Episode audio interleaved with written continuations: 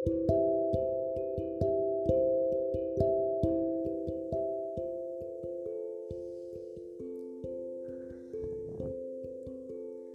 flies so fast. Udah akhir tahun aja. Selama sebulan terakhir ini, ternyata ada beberapa, bahkan banyak hal yang ternyata nggak berpihak ke gue. Mulai dari penolakan, sebuah tamparan, jawab yang nggak sesuai dengan maunya gue, bahkan hingga sindiran. Tapi kalau ditelusuri secara baik-baik, ini bukan kompetisi. Gue gak harus menang atas orang lain yang lebih dulu berhasil.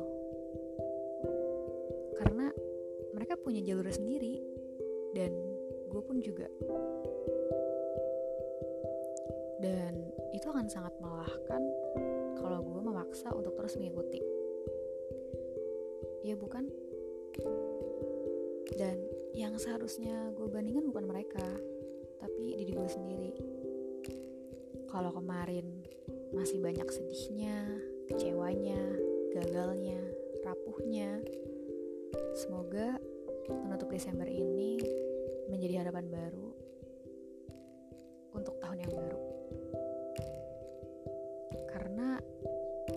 ada banyak hal yang harus tinggal papain.